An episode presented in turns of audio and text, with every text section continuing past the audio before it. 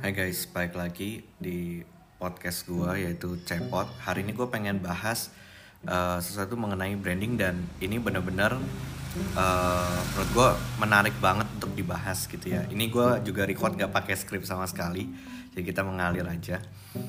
Jadi gue barusan nonton uh, semifinal Indonesia's Got Talent dan salah satu kontestannya itu ada yang namanya Holly Balai. Mungkin teman-teman tahu ya.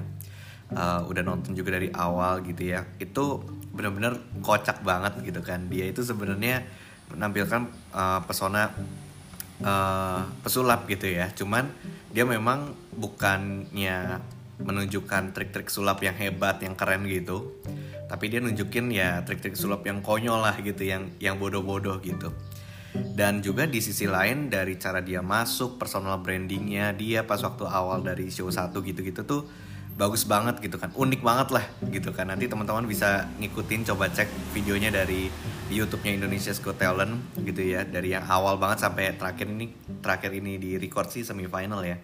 Gitu. Itu bagus banget gitu kan. Dia ada bawa bodyguard gitu kan. Dia pas waktu awal juga masih inget banget jalan ke panggungnya harus pakai karpet merah gitu-gitu. Ya lucu banget lah gitu.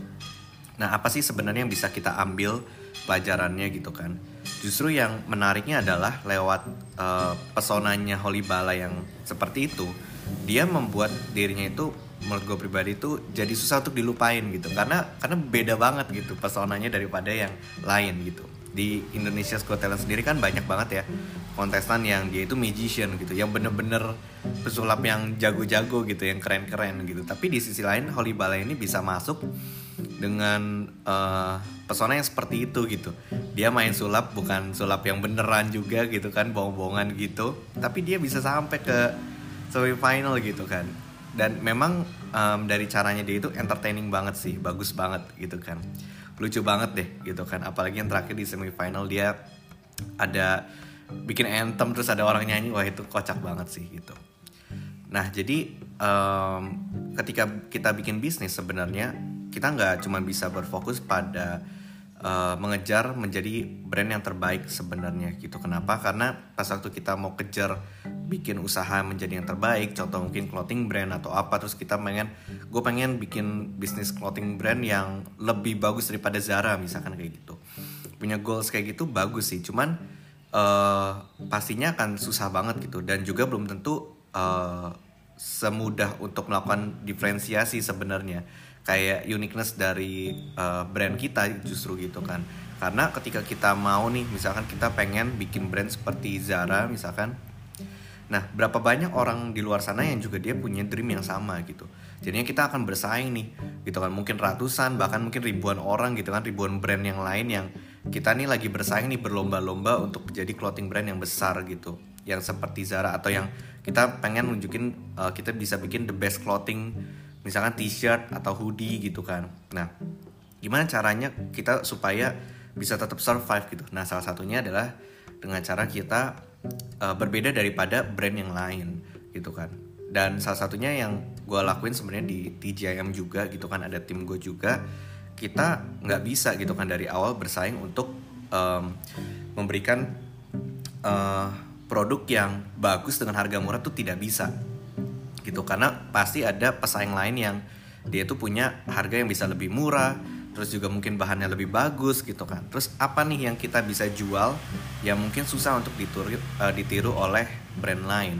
Nah ya itu adalah value dan desain sebenarnya gitu. Value dari TJIM sendiri desain-desain yang kita bikin kita berusaha untuk uh, kasih value yang positif dan juga bisa kasih semangat kan. Dan juga memang desainnya itu original uh, original gitu kan. Jadi Eh, nggak uh, bakal bisa di uh, ada gitu kan uh, di tempat yang lain juga brand yang lain gitu. Jadi dengan adanya itu kita bisa bebas sebenarnya gitu kan. Kita nggak jadi terjerat dengan kita kayak mungkin ya gitu kan. Uh, jadinya nge-resell baju orang terus kita pasangin brand kita sendiri terus kita jual gitu kan. Bukannya salah ya tapi itu menurut gue pribadi adalah uh, tambah susah jadinya. Karena pertama produknya dari orang mungkin ya kita bisa edit-edit sedikit lah gitu ya. Kita tambahin apa mungkin gitu kan kita tambahin label kita.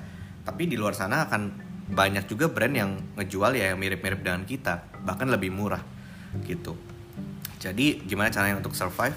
Sebenarnya ada dengan cara menjadi building uh, unique brand sebenarnya dibandingin sama brand-brand pesaing yang lain ya gitu kan. Mungkin juga memang pas waktu bikinnya nanti um, akan susah juga gitu kan. Akan uh, nggak uh, mudah juga. Mungkin banyak orang yang bakalan uh, ngomongin gitu kan komentarin kok brandnya begini? Kok kayaknya beda banget? dan sebagainya gitu kan. Tapi baik lagi uh, kalau misalkan itu sesuai dengan uh, misi kita visi uh, dari brandnya gitu kan just do it gitu kan. Selama memang itu adalah uh, benar dan sesuai juga dengan um, peraturan yang ada gitu guys. Jadi semoga sharing insight sedikit ini bisa um, bermanfaat buat teman-teman yang mungkin nanti mau bikin brand atau mungkin mau bikin personal branding gitu.